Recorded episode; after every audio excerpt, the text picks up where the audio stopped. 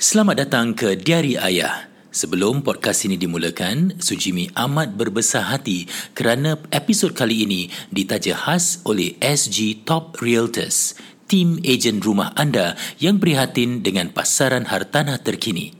Silalah hubungi SG Top Realtors di talian 9772 8772 9772 8772 atau lungsuri laman FB dan IG mereka di at SG Top Realtors SG T O P R E A L T O R S. Waktu kita tahu keadaan Moza I called my president. I told him straight Pak Haji I want to berhenti main bola. Ada kalanya macam Sedih lah tengok dia macam Nak ikat tali kasut You know. I pun kadang terfikir Cakap eh dia tak ada tangan kanan eh, Macam mana dia nak Dia nak syahadah and all. Every time she Time game She will be sick. Jadi if If if I can do it You can do it. Wow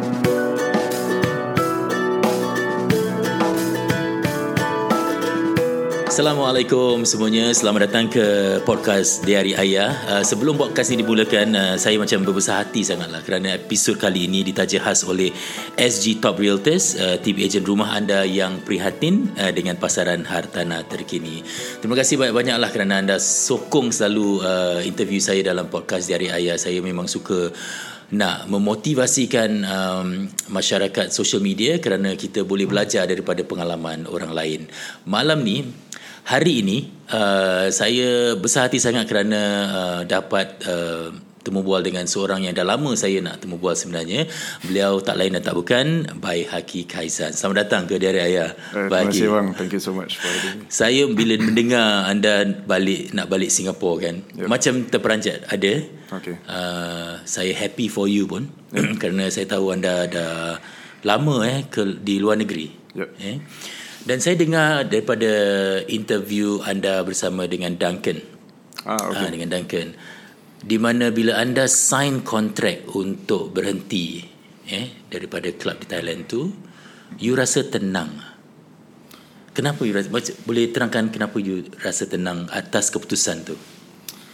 Okay, um, banyak sebab-sebab lah yang berlaku uh, waktu dalam jangka masa seminggu tu.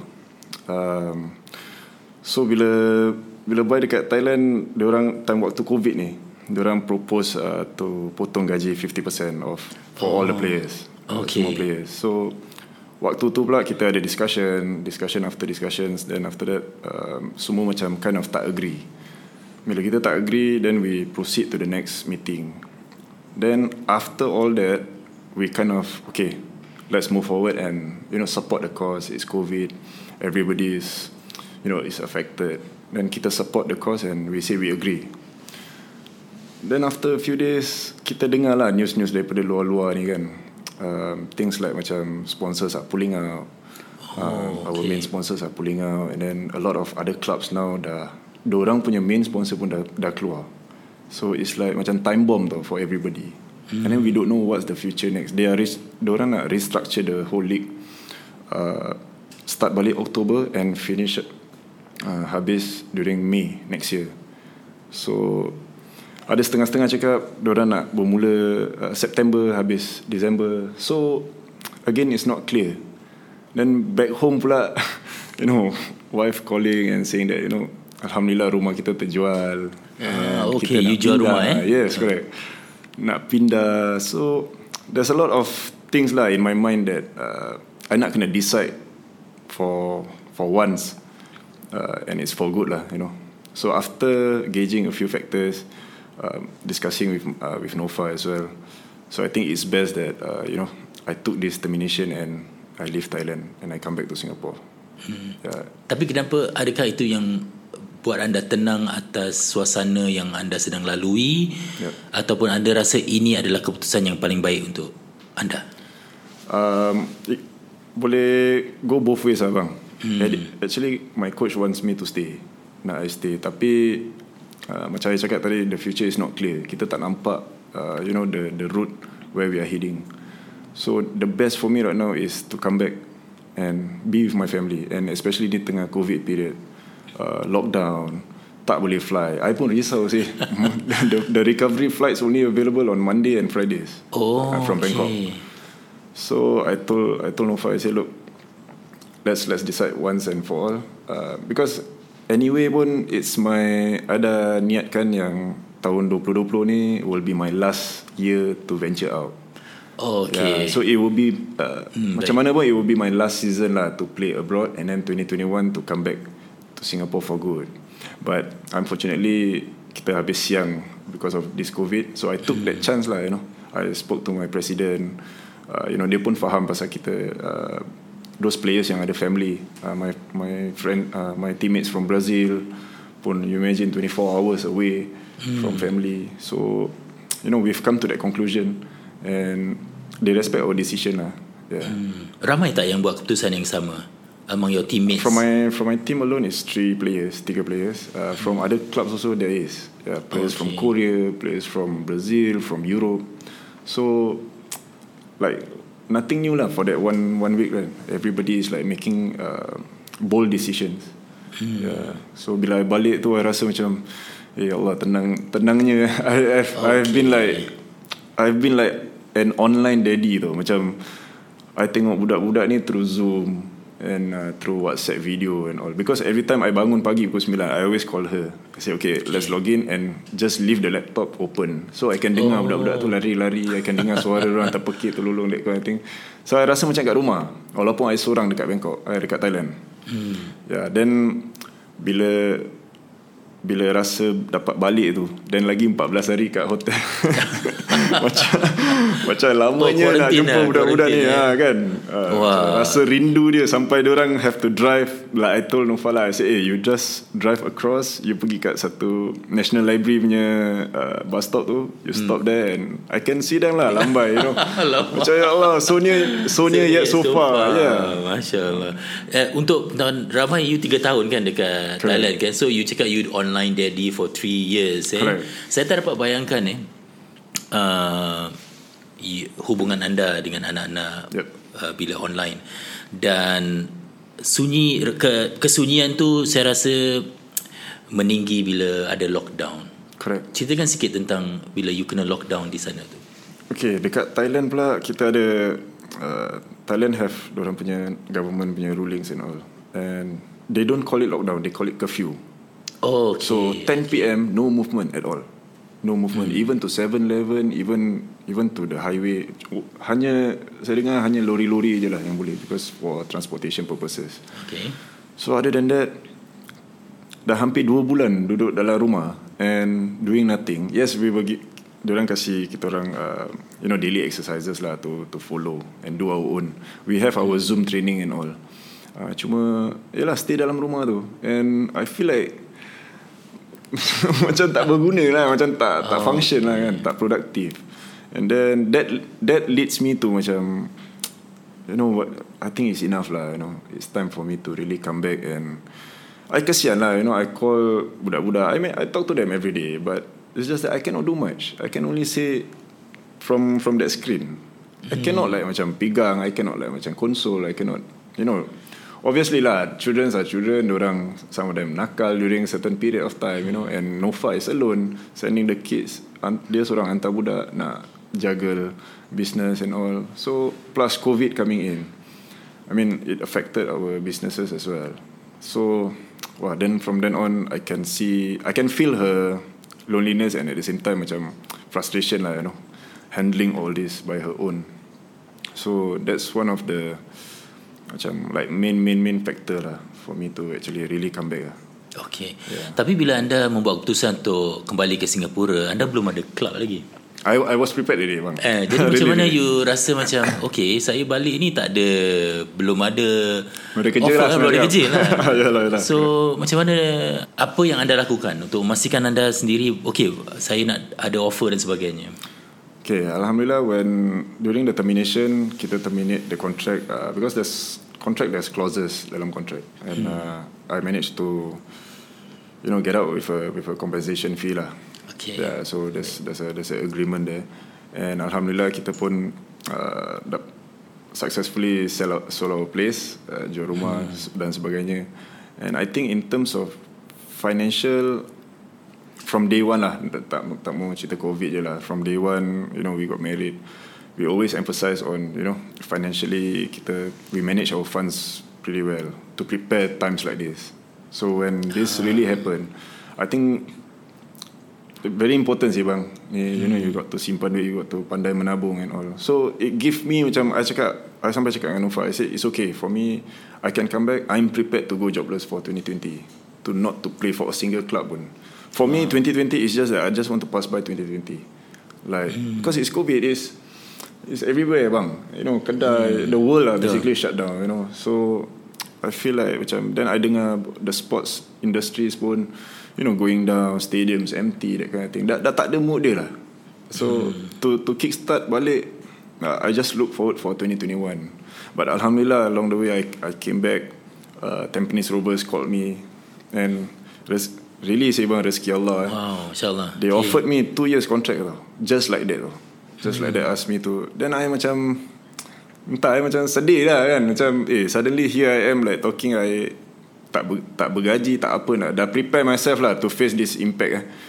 Uh, tapi gitulah alhamdulillah lah I rasa hmm. sangat-sangat bersyukur. Ada adakah mereka yang pertama offer ke apa kerana saya tahu your yep. original club in Singapore is Gilang United eh. Correct. They didn't call you. Dorang... Ah itulah pasal. I kalau boleh nak call orang tapi tak lah. I mean Those that, are your friends too kan dekat correct, sana correct, Correct, correct, Okay. I can understand lah. Maybe they, they, they orang pun mungkin tak ada budget dah, dah spend ke apa ke. We don't know. Because um, along the way pun when I dekat Thailand, I dengar jugalah ada uh, rumors that they want to do uh, nak potong gaji dekat sini juga. So, I can understand. I totally understand that. Uh, as long as uh, my I dah prepare diri I to face this, you know, going jobless. Uh, so mm. when you get an offer, it's like a bonus, lah, bang. Uh, you know, as long as you prepare mm. yourself ready.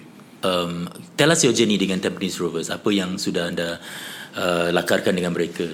Alhamdulillah. Um, first, first thing first, bila I balik dekat hotel tu, I serve my quarantine. Uh, they start, they called me, uh, the president Desmond lah. Uh, he called me. The coach also called me. Said that, bye. Uh, you know, um, we want you, but we also have a problem. Uh, then from there I tahu lah it's financial uh, because mm. you know clubs are facing financial problems as well over here. Understandably so lah pasal correct correct understand. Have, uh, I mean okay. if if it's normal days I would like I'm macam sure you mesti, lah kan? mesti you nak macam mesti you marah lah kan I mean okay. it's natural lah as a human being tapi mm. I, I I kind of like tone down and understand the situation. Okay. Uh, so they called me. They said that you know we we wanted you. I think you you suit the club pretty well, um, despite your age. I think age can be a factor lah, bang. You know, I you're 36 I, I'm 36. Eh? I'm 36 years old. Um, a lot of um, it's normal for coaches or you know club presidents like macam to look at a 36 year old player macam is it berbaloi ke tidak you know to to take hmm. this player. So but coming from a young coach, his name is Gavin. He's young. He's like 20, 27, 28. Oh, okay. Yeah. So you know to put a belief to put belief in me eh, uh, as a 36 year old, I rasa macam like like revive lah. I rasa macam diri I macam diperbarui hmm. uh, oleh dia. So macam satu kepercayaan tu lah. Hmm. I always like macam whenever someone macam trust you, eh, I always like give try to give my best for that person. Uh, mungkin ramai yang mungkin tak dalam industri bola sepak eh. Correct. 36 tahun ni kira macam Actually mana? dah habis bang. Dah, dah senang cakap dah game lah. Game. Dah game. Oh ya yeah, ke? Okay, okay. But you are still in it. You masih fit lagi. And you masih nak uh, teruskan. So. Um, actually okay. During my bila I career took off hmm. and then along the way, obviously this question will uh, this question pops up lah dalam uh, kepala otak and you know when the question is when are you stopping? Because banyak orang cakap okay bye you know oh, alhamdulillah along my during my career I main kat Johor I main dekat Indonesia and all. So I meet people that give me good advices. They say bye you know your career is short. So sometimes I feel to download into my mind to say that I, I tak nak accept reality. I thought that football, okay, I can play until 50, until retire, 55 years old, 65 years old, macam kerja-kerja biasa. Hmm. But here I am, I'm, I'm, at, I'm at the junction now where that those those talks mm. remind me of kan. So but these people are very genuine people. They tell me say but you need to simpan duit. You know you you have good contracts. Uh, you know while playing abroad and all. So this is the time that you should think of something else. Alhamdulillah during my first um, baru start main Indonesia my second year lah. Uh, me and me and Nova selalu pergi urut kaki and all that. Uh, then after that we decide eh come on let's open a small spa lah in Singapore. Uh, you know, but what we just we just keep it like uh, why not we do a mother and daughter spa. Mm. Yeah, so alhamdulillah we did lah with with with the finance that I work out the finance for for her daripada because she wants to uh, bila dia teman I kat Bandung tu I tell her lah I said look why don't you go back to Singapore we start a small business you can manage at least you have you you tak boring kan mm. so while because anyway I'll be flying back like some during weekends and all yeah so we start to berpisah dari situ mm. yeah um, when you open business ni secara tak langsung saya rasa anda sedang membuat persiapan. Correct. Is correct. that your exactly. plan sebenarnya? Exactly, yeah. correct. Because okay. I thought that at 25 bila Bayu uh, umur 25 years old, I already start thinking about what's going to happen at 30 years old. What's going to happen when I'm 35? Mm, what's going to happen okay. when I'm 40? So um, bilakah uh, Bayu akan menggunakan duit-duit bisnes ni daripada daripada gunakan gaji bulanan you know so when will will I depend on on this money and all okay yeah. and bukan saja business spa correct yang uh, Nur Fasari uruskan eh yep. saya uh, terlihat you pun ada pernah sekali ada renovation company eh by correct 3 by 3 yes but, uh, 3 by 3 yes. 3 by 3 eh okay yes. apa jadi dengan business tu Um, it's still on. It's still okay. on and running. Uh, it's actually it's cousins within us lah. My cousins and uh, oh, Nopa's cousin. Okay um, 3x3 dilahirkan um, because I was in Lions Chof back then. Bila I main Lions Chof, I'm based here in Singapore. So mm. I like I like renovation because Alhamdulillah during my career uh, playing for the national team and all, I travel a lot. I travel a lot to good and stay good hotels, bang. Okay. Yeah, when I stay at these good hotels, you know the vibe, like macam you know, wow, it's so it's so nice. macam yeah. macam macam if I can transfer to my home, you know, that kind of thing. I'm sure everybody wants that lah, you know. Mm-hmm. So then it started back during uh, kita punya first house dekat Sengkang. So I I told Nova lah, I said, look, let's let's challenge ourselves by doing our own doing our own place. Okay. Uh, so we don't use a renovation company. Then my friend happened to have a small renovation company lah, you know, like those City Plaza kind, very small, small mm. kind uh, he's the one who who who taught me to macam okay bye first is hacking second is uh, wiring third is plumbing so then I learn lah along the way I think eh macam macam best pula kan uh, buat hmm, renovation okay. ni but um, I decide to sell my shares away uh, to my cousin as well to our mm. cousins uh, due to because when I dah start main Johor bila I dah main Johor um, I told I told like my partners lah I say that I cannot commit how eh? Because I'm, I'm the kind, yeah, I'm the kind that I want to be on the ground. Bang, time main bola, hmm. I go to, I pergi rumah orang, ukur semua. Yeah, yes. Oh, that you betul-betul terlibat correct, diri yes, dalam. Correct, correct, correct. I oh, ukur okay. TV console, I ukur all the, yalah, but some people, ada jugalah orang, orang tak macam tertaja ke nampak eh baik haki yang ukurkan rumah aku correct, ni. correct. Ada orang macam take that macam mungkin kesempatan lah untuk ambil gambar and all lah. Oh, okay, uh, good for, for your me, business lah. Yeah, correct. But like for me, I, I I cuma buat willingly lah you know. Okay. I just want to be out there with the society, mingling with them. Uh, then bila kat Johor pula, they say okay bye, never mind, you just focus on the laptop and marketing ke apa lah, you know. Uh, working from laptop. So I rasa mm. macam macam I'm not being myself lah kan. Uh, mm. Then after that, uh, one of the cousins decide to to work with a architecture firm and all. So I think they want to go somewhere. Okay lah, I mm. I give my blessings lah.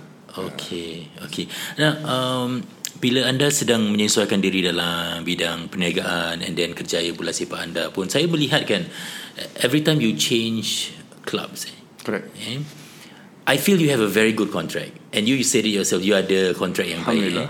Macam mana you dapat contract yang baik tu? Sebagai, I mean, I want to learn. Saya nak belajar macam mana seorang pemain bola sepak dapatkan kontrak yang baik apa yang you uh, negotiate yep. dan how you get a, a apa tu a long and good one um first things first let's go back to Persija Jakarta when my first contract in Persija um, normally when I when I when we play against Indonesia in Suzuki Suzuki Cup Yeah, I scored against Indonesia and lepas game tu we won in Jakarta. After the game, all the agents semua tunggu dekat lobby. Oh, yeah, they okay. waited. Diorang tunggu kat lobby and semua macam, Bayaki, I want to meet you. Bayaki, I want to meet you. I want to meet you. So I'm Wow. being, I'm like a thir- 20, 23, 24 year old. Like macam, what's that? I don't understand lah macam agent, how they how they work. Like, memang my ultimate goal as a football player, I nak main luar negeri. That that was I dah tanamkan niat kat situ. Hmm. So here comes the chance. Then I macam gabra pula kan, tak tahu macam mana nak. okay, this is it, this is it. Uh, then after that, orang kenalkan, orang kenalkan. Okay, but this is a very professional agent. Uh, he he works with you know top superstars and all around the region lah. So I was guided by good people also. Alhamdulillah, Alhamdulillah. Ah, okay. Along the Tu way. yang nak tanya tu Siapa yang tunjukkan you Who show you the ropes tu, tu. Correct. It's it's agents lah basically. Okay. Yeah, and along the way I learn I learn myself also. And clubs after clubs, I only use agent. I think first time for that for that Jakarta punya deal. Then after that directly from Bandung to Medan to Lions Chof, JDT, the bosses call me directly. So I get to deal with the president directly. Yeah, alhamdulillah. And I mean about getting good deals. I mean, there's so much to negotiate lah at the end of the day because it's the performance lah that uh, that you must show the year before, uh, and obviously you, of course, sometimes good times, you know, depends on you know the the financial side of the club as well. Yeah, Okay. how how they label you lah basically. You along the way you will, you macam like they will categor they start to categorize you in in certain punya levels lah. Yeah, and and category A players will have uh, this kind of salary, cat, uh, category B, C, D, and so on. Okay Yeah. So you category I don't know. okay. You know Bila you negotiate sendiri kan Ada Correct. beza dia dengan negotiate Ada orang perantara lah Correct. eh, Selalunya uh, Segan tak you nak negotiate sendiri Segan bang. Segan. Nak meletakkan harga pada diri Correct. sendiri Segan sih. You know how I wish sometimes like ada orang tengah like do the all these talks for me. You know because I don't. You see, for example, if you say I want twenty thousand, then they say okay, I'll give you twenty thousand. Then kalau you main tak macam twenty thousand, it it macam Oh. like it, it, the the impact goes to you directly tu. Kalau the agent, kalau ada agent, agent they will like marah the agent lah. You know, it doesn't involve me because that's their deal. So that's that's the difference between like you are the agent dengan tak the agent. But as much as um, all the while I've been uh, talking to presidents and I selalu tanya orang cakap what do you think of how much do you value me? I always throw that that question to them. And I tak macam like for example lah let's say they say okay bye I I have a 14,000 deal for you. Then I will say okay okay boss come lah let's settle the deal with 15 lah. Just round off lah basically. Okay, this is okay. Yeah. Untuk mereka yang tak follow uh, football apa, this fifteen thousand a month though. Uh, this is US, Singapore. Yeah, US dollars, eh. US dollars. Eh, I think that's a lot lah. Correct. Tapi the at the height of any soccer player in Asia, misalnya in Asia ni, what is a range of salary yang kita boleh katakan, okay, this is a good deal. You know bang, we I mean for our you know Singaporean punya context, o- obviously kita dengar 15,000 is like wow lah, you know. I mean even for myself, I dapat 15,000 wow. So tapi along the way I dengar this player get 30,000, that player get 45,000. So Wow, so macam okay lah, mine is not so wow after all. tapi I feel like it's enough lah bang for me. Uh, for me I never Alhamdulillah along the way I never complain. I never complain about my contracts. Uh, and I ha- I have good bosses really. My bosses from Jakarta till Bandung till Medan. You know Indonesians they like to come to Indo- uh, to Singapore for medical checkup dekat Mount Elizabeth and all. So every time they call. Okay. they call, orang jumpa, baik gimana, sihat, keluarga sihat. You know, they give angpao and all. I say, no, no, no, I'm not here to meet you. I said, no, no, this is not for you. This is for your children. so until like that. Oh, So wow, we, we, we build good relations lah. Alhamdulillah. But bila you switch clubs and all that, do you still macam ada hubungan yang baik dengan your club lama and all that? Macam mana? Uh, no lah, just through social media, Social say hi, and sometimes they they also tell me like my teams. Uh, you see Persija Jakarta. I mean, I feel so macam I feel so attached to this club because until today, Twitter, Instagram, you know, they still DM me. They still they still say things like macam you know, bye, we want you back. You know, come Yeah, back. The fans okay. over there. You know, bang, every week, every Saturday, without fail, thirty to forty thousand fans, easy. Wow. Easy. While you tengah training pun is 500 to support 1000 gitu. people Wow. watch you training. I mean nak, nak semangat apa lagi bang? You understand? Yeah. You you dah every every day you being pumped up, you know. You macam tak sabar want to show something. Yeah. Wow, every time you main kalau macam 30 40,000 gitu seronok lah eh. Of course. The feeling eh. Correct. Every time you macam I always tell myself that uh, you know this game tak apalah kaki patah pun tak apa. You know until that kind of Wow, macam punya okay. semangat tau. Yeah, because that's what they want. When you win three points, it involve the whole Jakarta. Yeah. And then you makan luar, kadang I makan luar dengan Nova pun. Memang makan free, orang bayarkan. Hmm. Uh, you enter like you know local brands punya kedai baju and all. They close the shop for you and they give you whatever you want. Ah. Yeah, that's Oh, that's wow, the treatment eh? that we are getting. Really.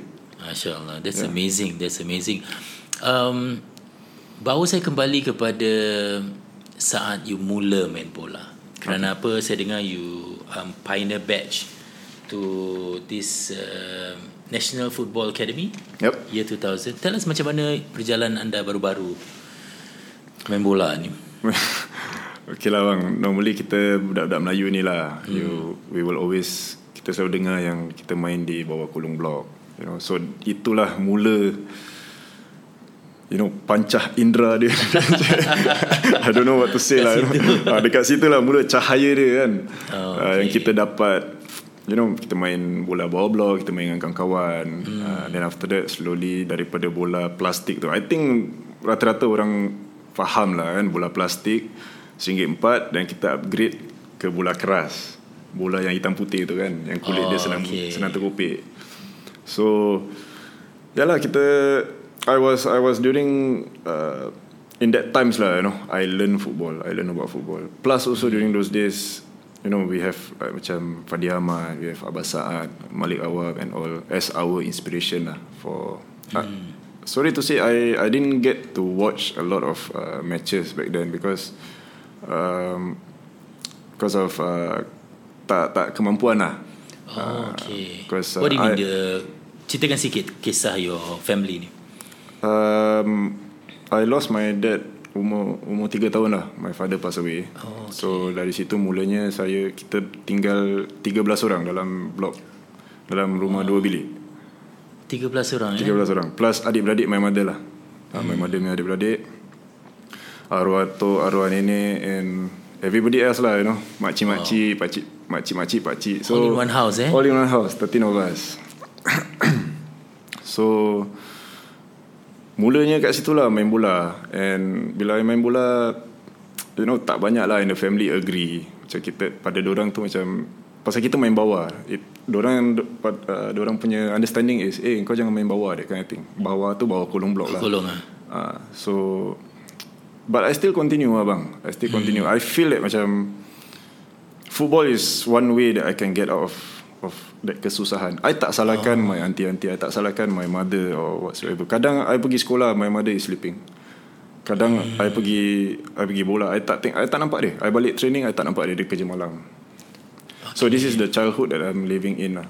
And I tak ada I tak ada seorang bapa yang I boleh look up to.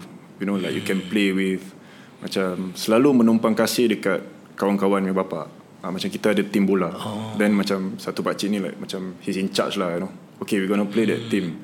So I will use him as a as a symbol lah of like macam uh, so called dad lah hmm. macam tu. so that's how that's how my childhood is ah. I I punya rate my movement is just within say hun- 100 to 200 meters je lah around that around my house in Jurong. Uh, hari raya so I didn't like pasal semua datang my nenek is there. So I didn't get to like rasa macam naik lori ramai-ramai when I saw all these pictures and all. I don't understand. I tak faham. Uh, Okay. Then Then slowly lah Slowly My mother keluar uh, Satu ketika tu My mother say that Okay let's move out And Let's Kita tinggal di Sengkang Anchorvale So we were one of the first few lah To Tinggal kat rumah baru tu. Dengan bawah security guard Dengan Dengan lumpur Dengan apa. Yalah rumah baru lah Tak sabar kan. Uh, Selama sepanjang Tinggal kat Jurong tu Tak pernah ada bilik sendiri. So Every time balik training Kita macam Kita nak kena You must Kalau kita bentang tilam kita nak kena tidur Nak kena choke place kita lah nak, kan Kalau you balik lambat then Tak you, dapat, tak you nak kena elak elak elak orang tengah ujung-ujung ah, kan? ujung-ujung kan. Then I end up Okay. tidur kat dapur lah. Ah, lah most of the time okay. yeah. Saya faham Saya faham keadaan Yeah, tu Tapi bila Apa yang betul-betul mendorong anda Nak keluar daripada suasana uh, Yang boleh menjadikan anda lebih uh, Berjaya Um, Apa yang push anda Actually bang I don't In terms of Academic pun I'm so-so so lah To be honest. Uh, I mean I'm just a half past six Punya kind of student.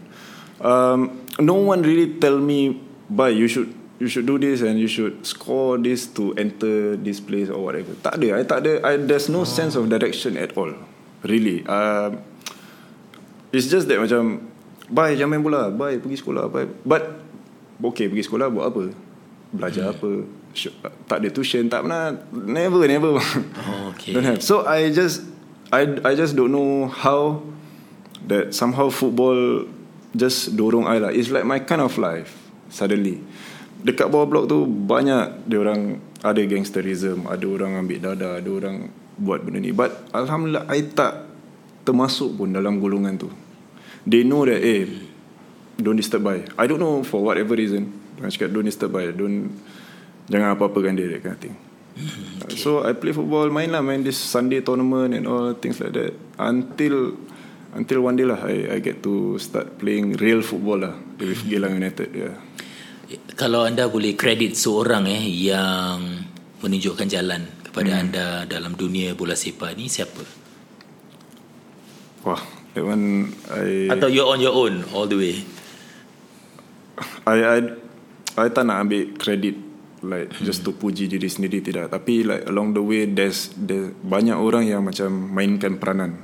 Banyak orang sangat. I I can't name all of them. But uh, those are the people like from the Jurong punya area that somehow macam they supported me lah you know. And family pun family uh, my da- arwah datuk tak never approve sih I main bola. Yeah. like, dia tak Oh, approve pun. Like Okay. You imagine bang, my first training, I bangun pagi because I was told to go to Bedok Stadium at to report at 9 a.m. So I tinggal Jurong. Oh jauh tu I tinggal Jurong. So I need to wake up at subuh kan. So during subuh, nenek-nenek kita kan dah dah panaskan air. You can hear right all this kettle, you know those environment eh. Yeah. Yeah. Orang bangun pagi sebelum subuh, orang dah bangun, dah prepare all that. So bila I bangun, everybody like macam Asal kau bangun. Macam gitulah you know. Macam Oh, kita tak akan bangun subuh kan Time kecil. So Cakap okay bye Kau nak pergi mana? Cakap oh tak nak pergi Nak pergi main bola. Then to them like Waking up in the morning Like Kau nak main bola apa? 6.30 pagi Kau nak main bola kat mana? Dia kata. They don't understand. I don't blame them lah Seriously. Hmm. Tapi Sebaik-baik manusia Arwah Datuk I ni kan. Hmm. Every Dia akan keluar kerja pukul 7 So dia akan cakap Bye kau pergi tidur. You go and sleep. Don't don't, don't need to play all this football all. Tak payah. Tak payah sesuaikan hmm. diri. So okay lah. Then I tidur. Tapi I tidur I macam ngintip-ngintip lah. I tahu pukul 7 pagi Dia mesti kejutkan kita tiga beradik And say that Seorang satu dia kasih RM1 hmm. One dollar coin. Kita dia kejut lah. Uh, Liza my sister Liza one dollar. Muzamil one dollar. Uh, Bayaki Eh ni ambil one dollar Jangan bangun. Eh, Kau pergi tidur That kind of thing lah hmm. so, so I tunggu dia Dia gerak je kan Van dia dah gerak je So I cepat-cepat lah Siap Siap I pergi beduk lah hmm. kawan, Plus kawan-kawan Campur sikit lah Tolong sikit naik MRT That kind of thing yeah. Oh, okay, okay. Um, sekarang bila now that you dah main club dan sebagainya, ada tak family members yang dulunya mungkin mereka tidak menggalakkan? Apa yang mereka katakan sekarang eh? Alhamdulillah orang I can see orang punya kebahagiaan lah um, hmm. especially arwah atuk bila bila my first trip to Hajjai my first kira keluar negeri untuk main bola which uh, with Singapore under 13 my team. So I belikan dia you know those baju yang I love Thailand. Yang ada gajah yang ada apa kan. So bila I pass it to him Then one day when I when I got my match jersey I pass it to him uh, With the Singapore flag and all. Macam sama lah Sama macam the senior team. Mm-hmm. Okay. So he he was he was very happy lah basically uh, Dia macam Dia tak sangka I boleh nampak Dia tak sangka And Dia selalu Every time I go overseas Dia akan cakap dengan pakcik-pakcik Dan makcik-makcik dalam rumah To keluarkan each $10 Hmm. So 10 dollars, 10 dollars, 10 dollars, 10 dollars. Because kalau tak, yeah. tak, tak ada apa-apa nak belanja kan kat Thailand oh, ke mana okay, kan. Okay. Tu kira so, support tu eh? Ah, tu kira support lah. So dapatlah kita dapat lah dalam maybe 80 dollars, 90 dollars, then dia akan top up like a bit 50 dollars more. So oh, to bring like 100 dollars, okay. 100, 120 to go for a trip. Hmm. Ya, tu pun dah satu benda yang besar walaupun ialah pada kawan-kawan lain mak-mak dia orang kasih you know duit lebih and they can buy more stuff that kind of thing. Hmm. So tapi cukup lah. Yeah. Okay. Apa yang sebenarnya kita perlukan eh? Macam you membesar di suasana yang tidak menggalakkan you main bola. Yep. You know, if you meet your young self, kan? Anda bertemu diri anda dan dia nak main bola. Apa sebenarnya mindset yang kita perlu ada untuk membantu anak ni yang sebenarnya tak ada guidance, tak ada pimpinan tapi kita nak dia berjaya dalam bola sepak. Correct bang. Is um, I won't, Baik takkan cakap senang lah you know, because now I have my own kids. Hmm. Even sekarang pun because why? Sekarang kita dalam zaman kita dalam era yang orang fokuskan education first. They always put education first, education first. So secara tak langsung as a parent pun I pun of course lah ada tu down ada tu application that is education first. And so much so pun I told Ufal so lah I said bohong lah bang. Kalau I don't want either Mika or Muaz to to play football to continue my legacy you know. I, I mean deep inside I have. Tapi hmm. kita nak tahu sekarang the reality is what should we prioritize first? Uh, but also when I nampak Mika main bola ni I I support dia. I told I told Mika I said I cakap Mika Mika you want to play football? I will support you. I said but as long as you can juggle between education and football I will support you. Don't worry kadang I, I macam Yalah mak dia asyik Tuition Tuition Tuition That kind of thing. But Kadang I ber, Dalam kereta Berdua dengan dia You know I talk I, I berbual dengan dia Macam Sebaya dengan dia lah. Hmm. uh, So that oh. dia faham. Yes correct. Okay, uh, I, I slowly uh, Pelan-pelan I buat dia faham Why Why mommy put you on tuition Why this Why that. So I nak dia faham. I tak nak kita buat uh, Macam Kita macam In the end Macam dia rasa Diri dia ni Dipunish uh, Atau oh, didera okay, dengan okay. Kelas-kelas sebagainya you know this hmm. class that class kita kita taruh dia pasal dia nak main bola oh, that's one thing that I can see dekat Mika ni lah yeah. Hmm. and you will you akan push lah I akan push dia I will, I will push eh? him I will push him and Alhamdulillah along the during my career I've I've met a lot of uh, I've bumped into a lot of individuals even travel sampai ke London pun ada kenalan with like agents over there that can that open doors to you know academies in for the Premier League punya team and all. So sampai dah ke tahap macam tu because of social media.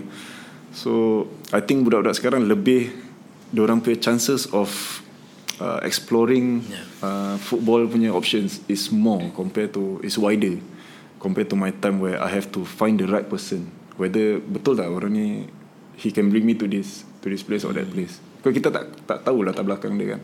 Yeah. Yeah. Saya rasa mesti membantunya bila seorang bapa yang dah melalui perjalanan uh, bola sepaknya yeah. untuk membantu anak memang anak tu insyaallah eh dia dapat uh, pimpinan yang baiklah. Yeah. Saya nak tanya tadi you cakap you main bola kat bawah blok eh? Yes. So during general election ni saya nampak your posting lah. Okay. Your posting yang menarik perhatian ramai. Okay. You have uh, 2400 retweets. Okay. Di Twitter. Apa yang mendorong anda menulis posting yeah. tu? Tak lah, I think memang this is like a everyday question for during that one week. Everybody yang bump into me, eh, eh, your posting is so good. Why, why you do that? Why you do that? I say first of all, let's clear the air first. Um, mm. I got nothing against Dr. Wan Rizal. I think he's a very uh, well respect, uh, well respected figure. Um, I, I understand also he has a PhD in sports science as well you know, for me, it's not about you know getting personal or getting into being a politician and you know try to debate with him about whatever. But it's just that you know sometimes this is social media, you know, like mm. you know sometimes videos leak out and stuff like that, and then I ternampak video yang dia cakap tentang like being in normal stream is like macam satu macam I, I look at it as macam satu kesalahan lah yang dia tak dapat dan dia tak dapat uh, succeed dalam hidup dia that kind of thing so tapi I cakap kat diri I say eh well I I did it kan hmm. I dapat I dapat keluar daripada that zone lah, so called that negative zone.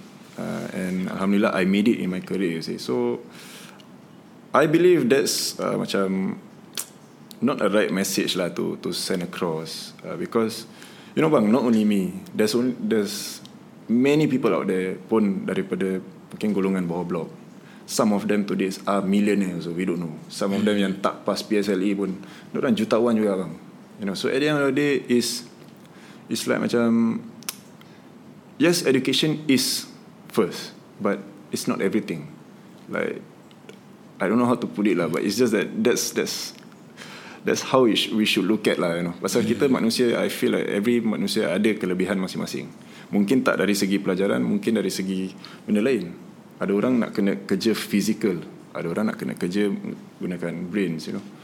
So, yalah, I just I just tweak a bit, try to correct secara melalui diri saya sendiri je lah. Tak tak sangka lah dia go viral. You know. Really, really, I got nothing against anybody lah. Well, you have many posts yang go viral. Yang I notice waktu Ramadan, dua Ramadan lalu. Okay. You started um, Al-Quran challenge. Oh, okay. Okay, so I woke Thanks up. to you. Before that already dah dah viral tau. Bagi Okay. diri saya lah saya melihat Ah, benda okay. tu.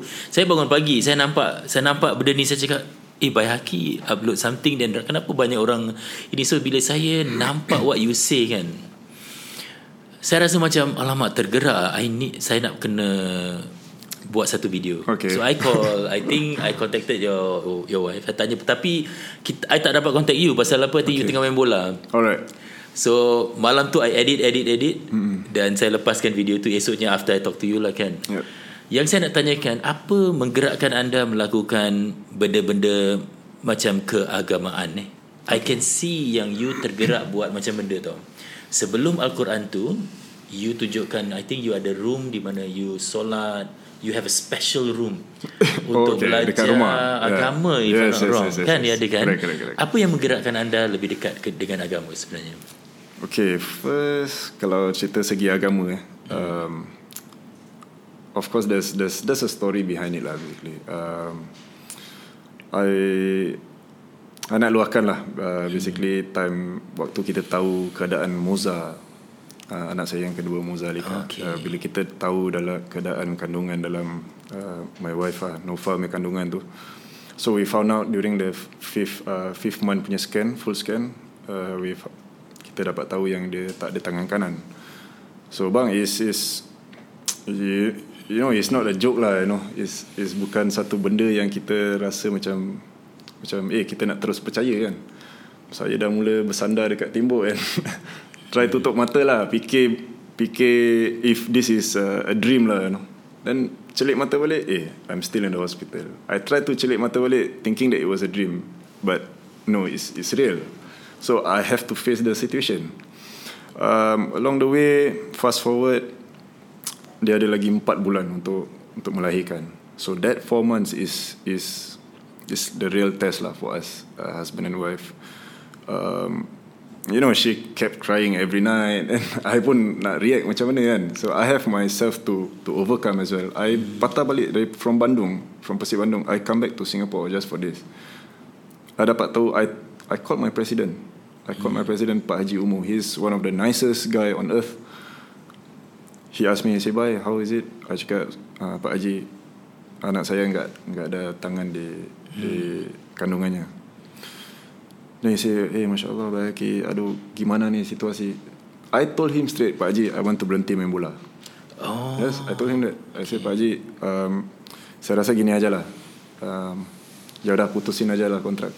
So I said, putuskan kontrak. Dia cakap, Pak Haji, no. You, you cannot do that. Uh, dia cakap, kamu harus harus kuat, harus ikhtiar, harus apa semua kan. So, it's okay. Take your time. Berapa bulan mau? Satu bulan, dua bulan, tiga bulan. Terserah kamu. Kamu istirahat, duduk di rumah bersama keluarga. Then, you sort out all that. You want to come back to Bandung, you come back. Hmm. Sampai macam tu. Wow. So, you see how lovely that guy Yeah. is, you know. Betul. Then after that we did a lot of soul searching lah basically alhamdulillah Nova done the, the hijab. So I thought is that that was the sign that was the sign of hidayah and uh, you know we we we go to kita mendekatkan diri kita lebih uh, dengan orang-orang yang mungkin boleh bimbing kita. Dari segi agama dari segi you know kehidupan uh, which channel to go to um, decision making and all. So alhamdulillah along the way then fast forward to keagamaan ni every time I go to Masjid Sultan I every time I pass by Arab Street this this azan always touch my heart lah. Okay. this azan. And I I will always want to find out siapa yang azan ni. So yeah this this Bilal is uh, I'm sure everybody knows lah you know uh, who I'm referring to. Nama dia Zulfa. Hmm. so pelan-pelan then after that I I get to sneak in here and there. Saya dapat kenal dia Oh, I dapat kenal dia. I took his recording. I took the voice of that. So it's kind of very soothing lah bang You know. Then after that uh, I get to know him personally. Hmm. Alhamdulillah kita kawan sampai sekarang. Uh, Dia pun banyak juga uh, Share-sharekan. Dia pun, dia pun background madrasah. And dia dapat banyak sharekan You know ilmu here and there. So it's getting more interesting lah Dari segi keagamaan. And I get myself closer to the mosque uh, Buat you know Volunteering and all that lah So Then Fakta balik tu Balik ke Thailand pula um, I use Quran lah bang. I use Quran as my hmm. macam Not say bimbing Tapi macam I always listen to Quran. Macam my my playlist dekat handphone pun Tak banyak lagu. It's all Quran punya Quran punya list lah. Yeah, Even sampai Sampai the kids also like Daddy please tukar Dalam kereta Ha? Kalau dalam dalam kereta, kereta, ya, you, Kalau dia dah You tak main lagu kan. lah You- Ah, Jarang lah Because automatically dia Tersynchronize kan Oh okay Yeah. Okay So Yalah about That's that's the agama part lah Okay, okay. Saya rasa macam anak uh, perempuan anda ni eh Yep. uh, pada mulanya tadi you katakan macam you tak tahu macam mana nak react dan sebagainya. Apa yang dalam diri you rasa macam you nak kena berhenti tu? Apa sebenarnya yang you nak Entah nak just lakukan sebenarnya? I don't know actually Do you feel Really. guilty? Do you feel um, macam Entah eh macam Kadang Like I ask myself lah Macam Apa yang aku dah buat What did I do Until that I get Into this lah Ah, Ah, okay. Sampai Kita tanya diri kita like Did Aku rompak bank ke Aku hmm, You know I did something I did a crime ke That kind of thing Macam Tak tak boleh terima hakikat lah You know Hmm. uh, But after a while uh, Alhamdulillah lah I I thanks to Thank to my family that uh, I pun dibesarkan Bukan dengan cara macam You know my my, my mother always fo- uh, Emphasize on akhlak Is very important. Uh, To to so called macam Focus on You know being a respectful boy Macam being a well mannered boy That kind of thing. So Yalah that that eventually like help me to slowly sink in and you know start to think ahead. Uh, macam kalau kita stuck with that kan then it's like never ending lah bang. Hmm. uh, so I told Nofala I said look need to be strong. Then kita buat umrah sama-sama we go to umrah. Yeah so all that little little things slowly we macam we make a brand new us lah. Yeah. Ah, okay. then after that we we tell ourselves okay look bila Moza we promise ourselves lah that bila Moza uh, dilahirkan that's it. We we are not looking backwards. We are looking Okay. forward.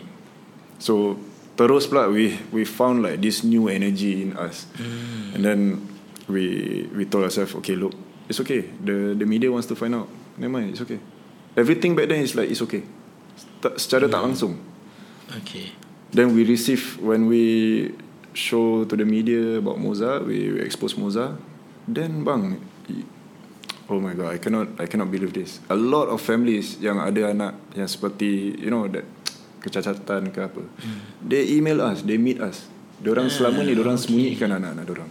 Masya Which I I'm I feel sorry for lah. You know, I can understand orang bawa pergi jalan and people looking, people you know orang label and whatnot. Hmm. Okay, but when we get them together, you know they feel like macam eh anak aku first time main playground sama-sama, you know like with Oh. with with kids, with proper kids, and that's that's beautiful lah to see. Hmm, yeah. And indirectly kita give these parents like macam a sense of macam confidence eh. Macam eh ini anak aku I cannot be like taruh dia dalam store like 24/7 right? You know dia membesar sih. Dia pun akan satu hari berumur juga. Betul.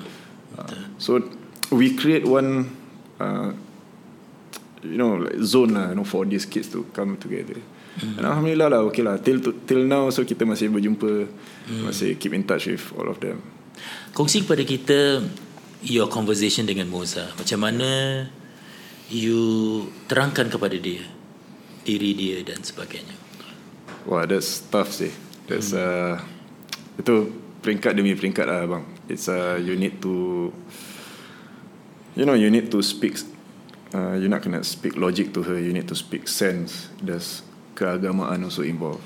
So we kita always tell her that you know. It, I mean, it's for her age to understand that you know your hand is with Allah or your hand is is is not there because Allah don't give you hand. You know, it is is let's let's be clear here. It's not tak tak akan senang dia nak masuk. From I mean, kids being kids, dia orang akan cakap, they will like expose and say that, hey, why I got no hand that kind of thing.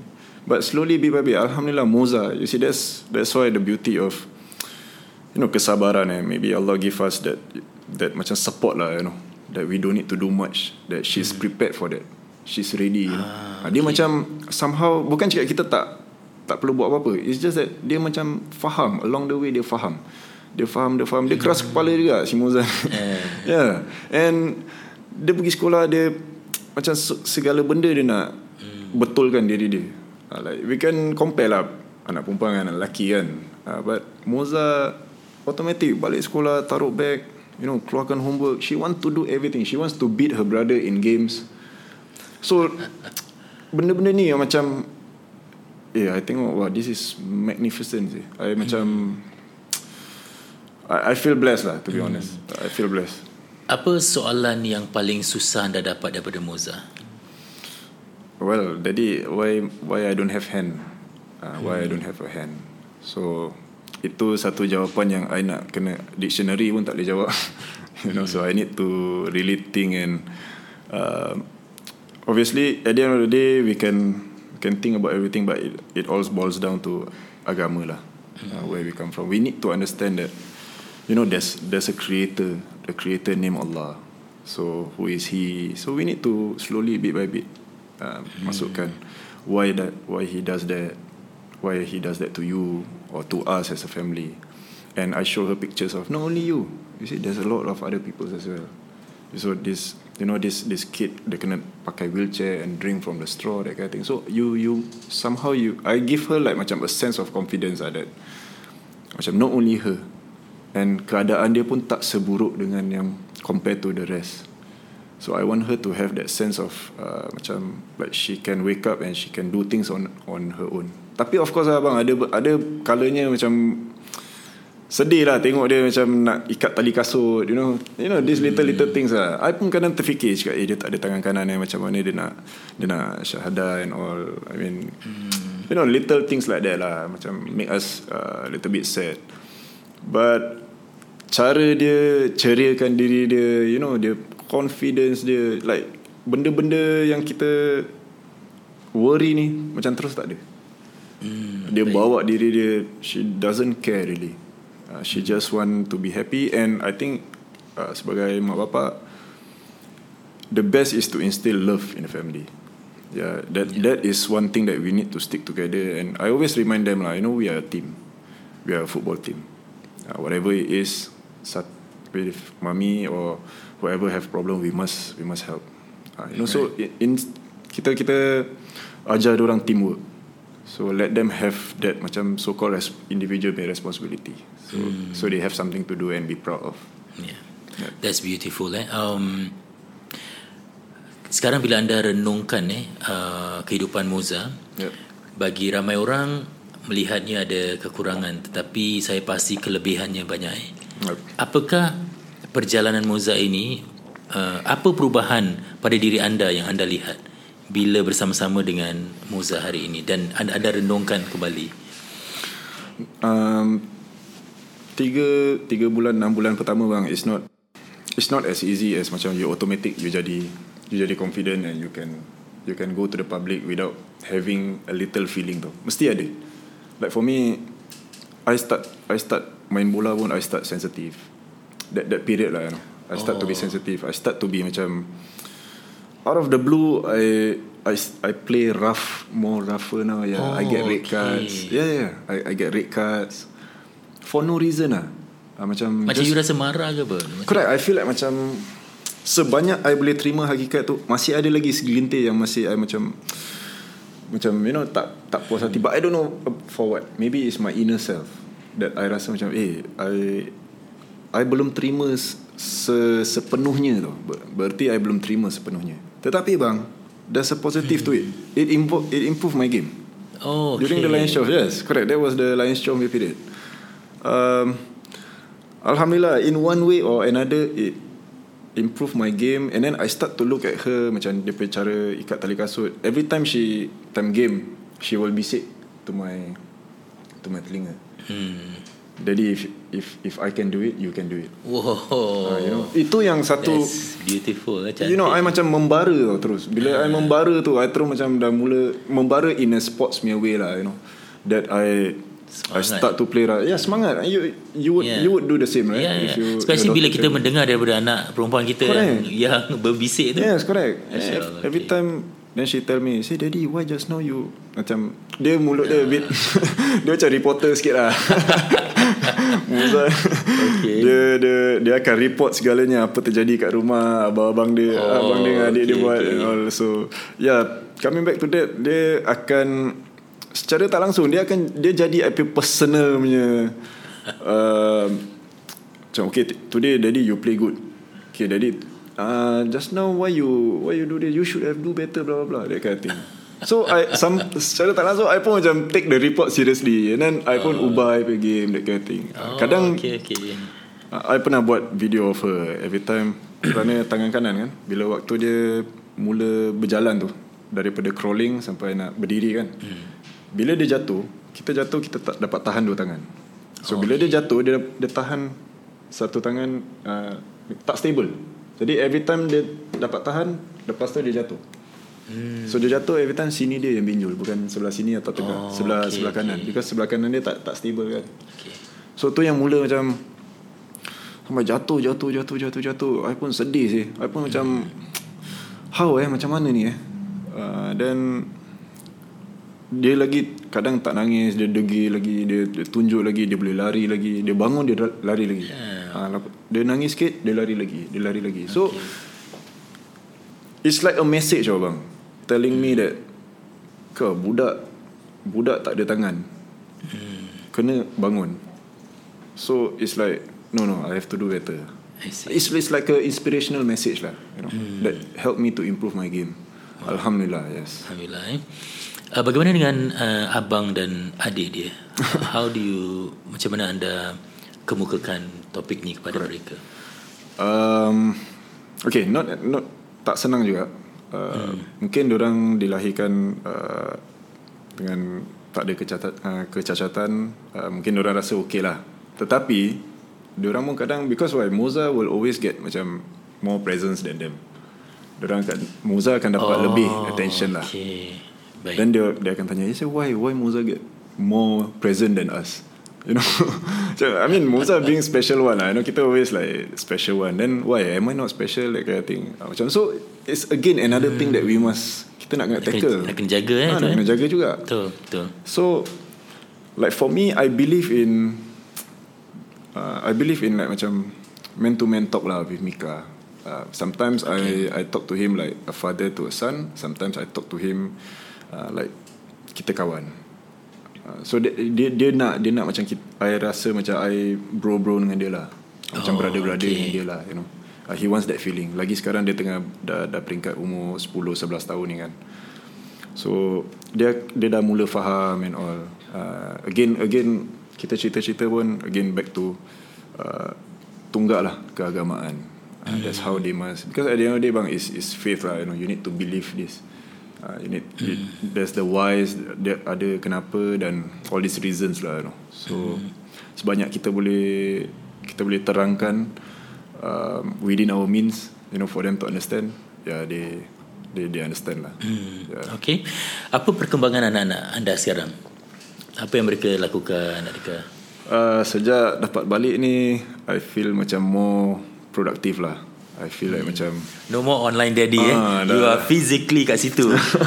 like pagi je ada this suara yang Alamak. kadang you bangun pagi Best, ah. dekat Thailand kan I macam bangun tak ada suara lah. Tapi susah juga bang. I you kalau bangun kat Thailand seorang-seorang ada suara, itu kira seram juga. Yes, yes, seram juga. Yes. Itu dah itu so suara lain nice, lah. eh, kat rumah you ada. Okay. Yeah. I need to I also like macam adapt lah because I dah biasa seorang and then because dekat Thailand you I senang penat bang. I senang Oh, penat because you okay. travel uh, in a interstates lah, you know, in Thailand. And then because of the travelling and then I sleep I Hmm. sleep besok pagi Besok pagi bangun Then I need to attend for You know all these meetings And trainings and all. So I senang cepat penat. Then when I tidur I bangun I rasa fresh Because tak ada orang kacau. That's what I do When I am in Singapore. I told Nova I said look in For my game day Tomorrow is my game. I need to sleep alone Yeah I need to sleep proper lah Properly, basically. Yeah. So that's so, Bila I balik tu First night je dah, Besok dah zing. So macam okay. Okay slowly Slowly slowly. Then uh, In terms of uh, Socializing pun Nak jumpa kawan pun Pasal tak pernah bergaul kan Dah lama tak bergaul. Then I Take one day at a time lah. Uh, Jumpa Okay. jumpa satu kawan Jumpa satu kawan yeah. Um, tadi you ada katakan you sign dengan Tampines Rovers 2 tahun eh. You dapat 2 years uh, contract. Satu tahun setengah lah Ni dah, ni dah setengah jalan Oh. kan yeah. One Okay. and a half lah Uh, apa your plan eh for the future? Macam do you plan to have something else ke kalau let's say lah you dah habis main bola ni. Uh, InsyaAllah I Along the way I Talk to Nova lah I plan with Nova Because uh, I mean to be honest bang I tak pernah masuk kerja Tak pernah masuk office kan I tak pernah deal with Supervisors or managers Or anything lah Tak pernah dalam workforce environment So it's It will be difficult lah for me to To suddenly change And report to office The next day 8 a.m. So I I'm looking at things that I can do and control within my own my own self. Like for example, property agent. Uh, you know, Okay. like all this this this kind of jobs like you, it's you you the one lone ranger my job. Uh, so I'm looking into all this. So I I start dah ambil course. Uh, it's it's not a confirm thing, but it's it's it's an option lah. It's more of an of an option. Uh, in terms of, uh, I still love doing business though. Uh, Alhamdulillah, I dah macam orang cakap hook lah, you know. Like uh, during bazaar pun I try selling selling baju, selling perfume and all. But this time now, inshallah, I will be going into other uh, industry lah.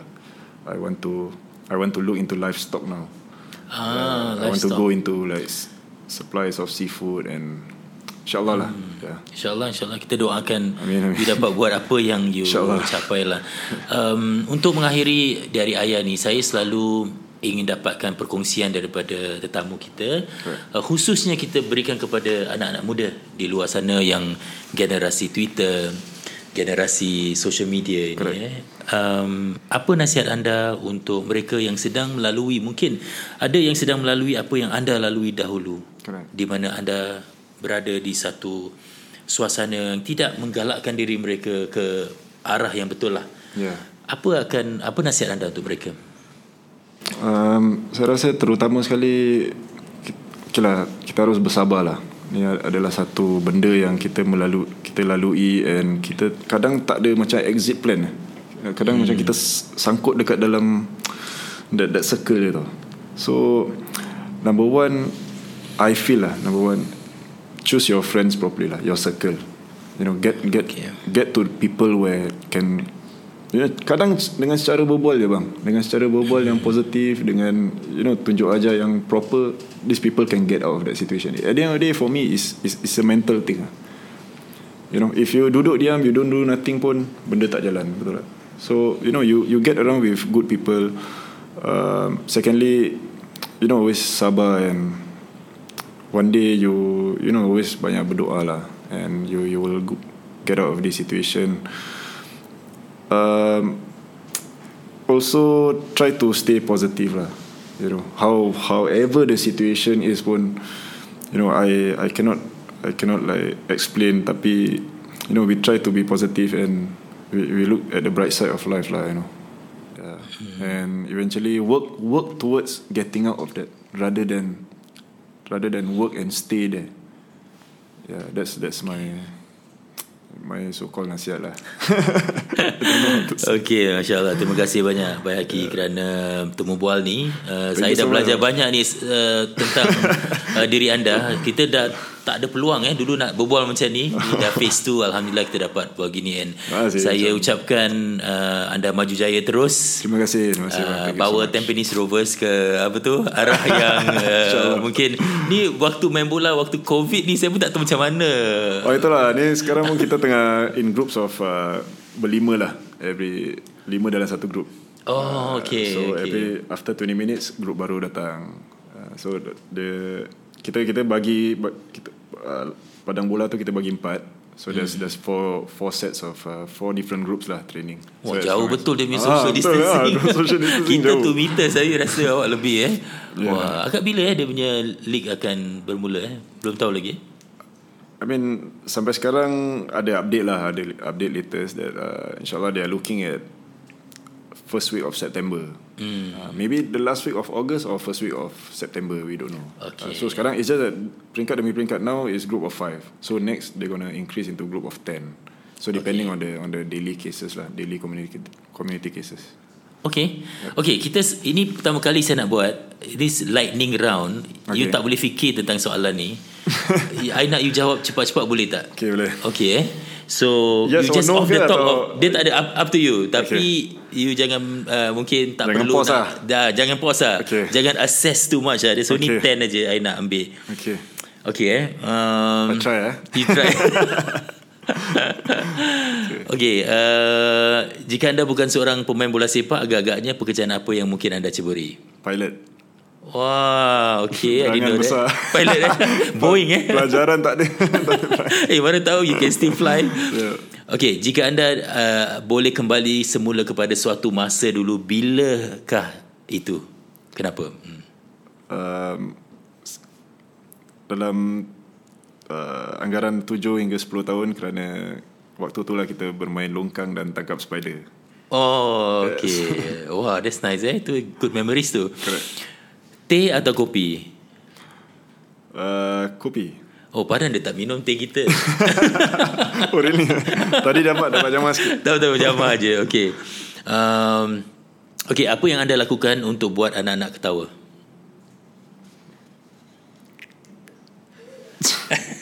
Sorry to say tadi kentut. Okay. Uh, saya tak nak cakap ramai gunakan perkara, uh, perkara tu. Okay, okay, okay. Okay, that's fun. Bagaimana anda melamar isteri anda? Oh, saya melamar ke bapanya. Wow, gentleman ah. That's nice. Apa yang anda katakan ni pada dia? Uh, tak lah, it's long lah. So, okay, not in the lightning round. Okay. Tahu saya tanya soalan tu tadi eh. Okay, apa tiga perkara yang anda mesti lakukan setiap hari tak terlepas? kopi, gym, bola. Oh, okay. Okay, saya ada tiga, eh berapa eh? Ada, ti- ada tiga lagi eh? Oh, four lagi. Apakah bakat terpendam anda? Pakai terbenda macam Orang yang tak tahu.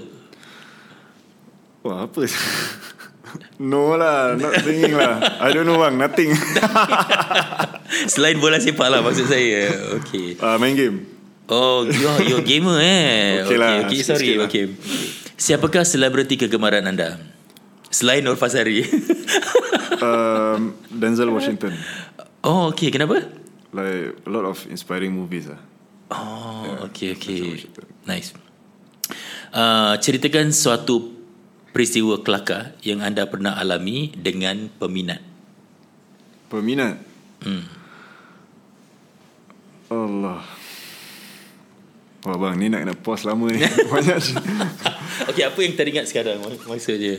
Okay um, in it, First one eh. In uh, in Malang When I first, My first year, first year in Indonesia I keluar makan dengan Bambang Pamungkas the, the the icon of Indonesia football. Okay. So kita makan dekat A&W And Ramai orang datang because of Bambang Actually. And Okay. So bila dah mula kerumun Security suruh semua keluar They lock the A&W kita empat je makan A&W just oh. semua sandar like macam ini. Semua tengah sandar timbul. Sandar orang punya pipi dekat screen so that's oh. funny lah for me. I won't forget that lah. That's memorable. Yes. okay last one eh. Um, apakah hadiah yang paling istimewa yang anda pernah terima? Hadiah yang paling istimewa anak-anak saya.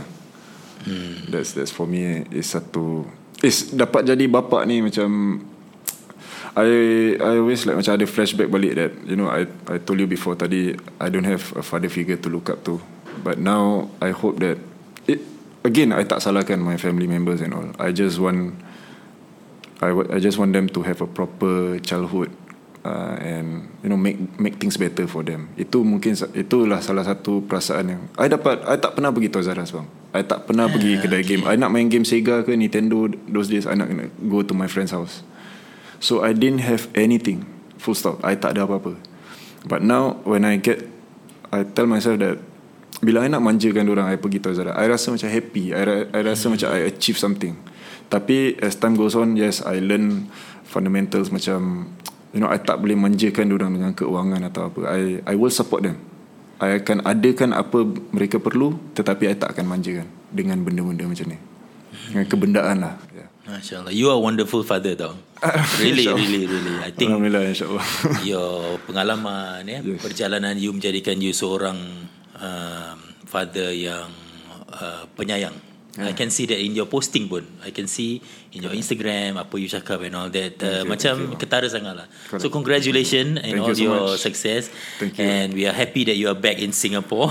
Finally, thank you so finally, much. Eh, finally, Allah. Dan uh, terima kasih kerana bersama Jimmy hari ini dalam Diari Ayah. Thank you so much bang for having me. I wish you all the best also. Thank you. Terima kasih. Baik. Dan terima kasih kepada anda yang sudah uh, menonton dan mendengar podcast ini. Uh, episod ini disokong oleh SG Top Realtors bagi anda yang memerlukan nasihat hartanah hubungilah mereka uh, di nombor yang kita terterakan ini. Terima kasih banyak. Jangan lupa like and share dan support uh, soccer players kita di Singapura ini insyaallah dan uh, kita akan bertemu lagi uh, di masa akan datang. Assalamualaikum Baik, terima kasih kerana mendengar podcast Diari Ayah ini. Episod ini disokong SG Top Realtors. Bagi anda yang memerlukan nasihat hartanah, hubungilah SG Top Realtors di 9772-8772, 9772-8772 atau lungsuri FB dan IG mereka di at SG Top Realtors.